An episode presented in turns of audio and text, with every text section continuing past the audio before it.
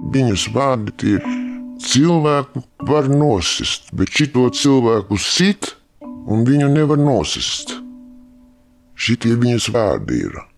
Šo 78 gadus veco kundzi sauksim par Viju. Viņa vēlējās palikt anonīma, tādēļ ir mainīta viņas balss un arī vārds. Vija jau divus gadus dzīvo kādā pansionātā. Pirms tam viņa četrus mēnešus pavadīja patversmē, bet tur nonāca, kad pēc desmit gadus ilgušas vardarbības pie viņas kārtējo reizi ieradās mazdēls. Pa mazdēlam piedarošā dzīvokļa durvīm sākumā izmeta vijas somu ar dažādiem dokumentiem, un tad kāpņu telpā izlika arī pašu viju un pats aizslēdza durvis, paņēma atslēgas un aizgāja projām. Patvērsmē es tiku, kā viņš man izmet ārā, man jau nebija kur iet. Un no tā laika es tikai divreiz esmu redzējusi viņu pa diviem gadiem.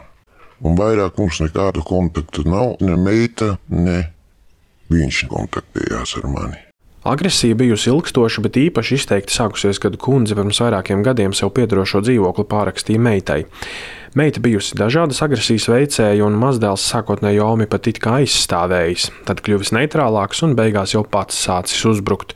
Meita aizbraukusi uz ārzemēm un par saimnieku dzīvoklī palicis tieši mazdēls par to, ka Ome var dzīvot sev reiz piederējušajā īpašumā, prasīs 150 eiro īres maksu.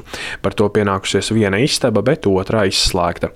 Vijas istabā ievietota kamera. Tas esot darīts, lai redzētu, ar ko viņa nodarbojoties, bet no dzīvokļa viņu izmet reizē, kad prasītajā laikā viņa nav varējusi samaksāt īres maksu, solot to izdarīt pēc dažām dienām. Šobrīd Vija pansionātā jūtas salīdzinoši labāk, tomēr aizmirsusi vardarbību viņa nav. Visu laiku man sita Es esmu slimnīcā nonācu. Man rokas abas divas laustas ir gūža. Viņa no gultas man izvilka ārā, un es teicu, nevelc man gūža. Nekas tam nevar notiksies. Apsaukāšanās, zobi bija daudzīti, viss, ko viņi varēja darīt. Tie viņas tikai vārdi bija, kad tu ātrāk tikai nosprāgtu, kad tev nosistu. Tie vārdi katru dienu gandrīz skanēja, ka viņa mājās nāca. Vardarbība pret senioriem ir problēma, par kuru ļoti maz runā. Tāda pieredze ir sociālās aprūpes centra Mešciems direktorai Solvitai Rudovičai.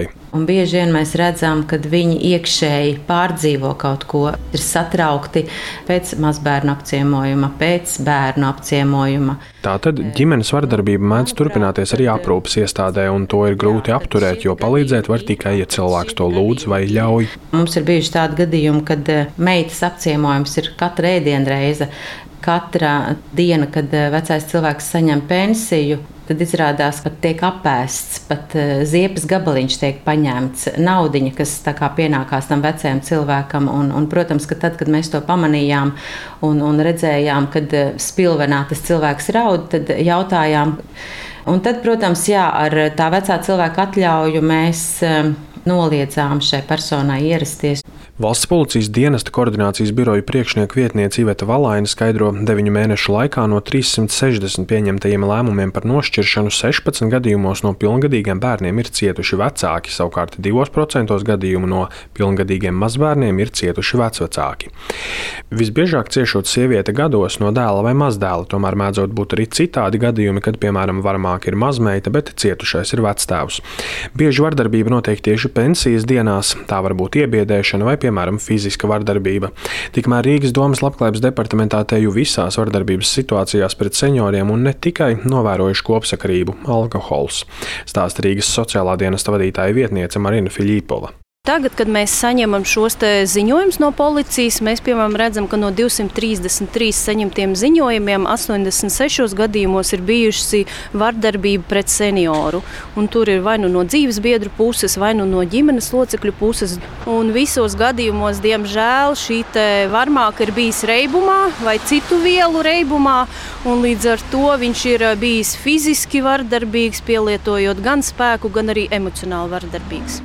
No vardarbības cietušajai kundzei Vijai vaicāju, kādēļ pēc nodarītā mēģinājusi sazināties ar saviem radiniekiem. Viņa atbild, ka nekādas attiecības ar viņiem vairs nevēlas, gribot tikai paskatīties acīs un pavaicāt, kādēļ tā rīkojušies.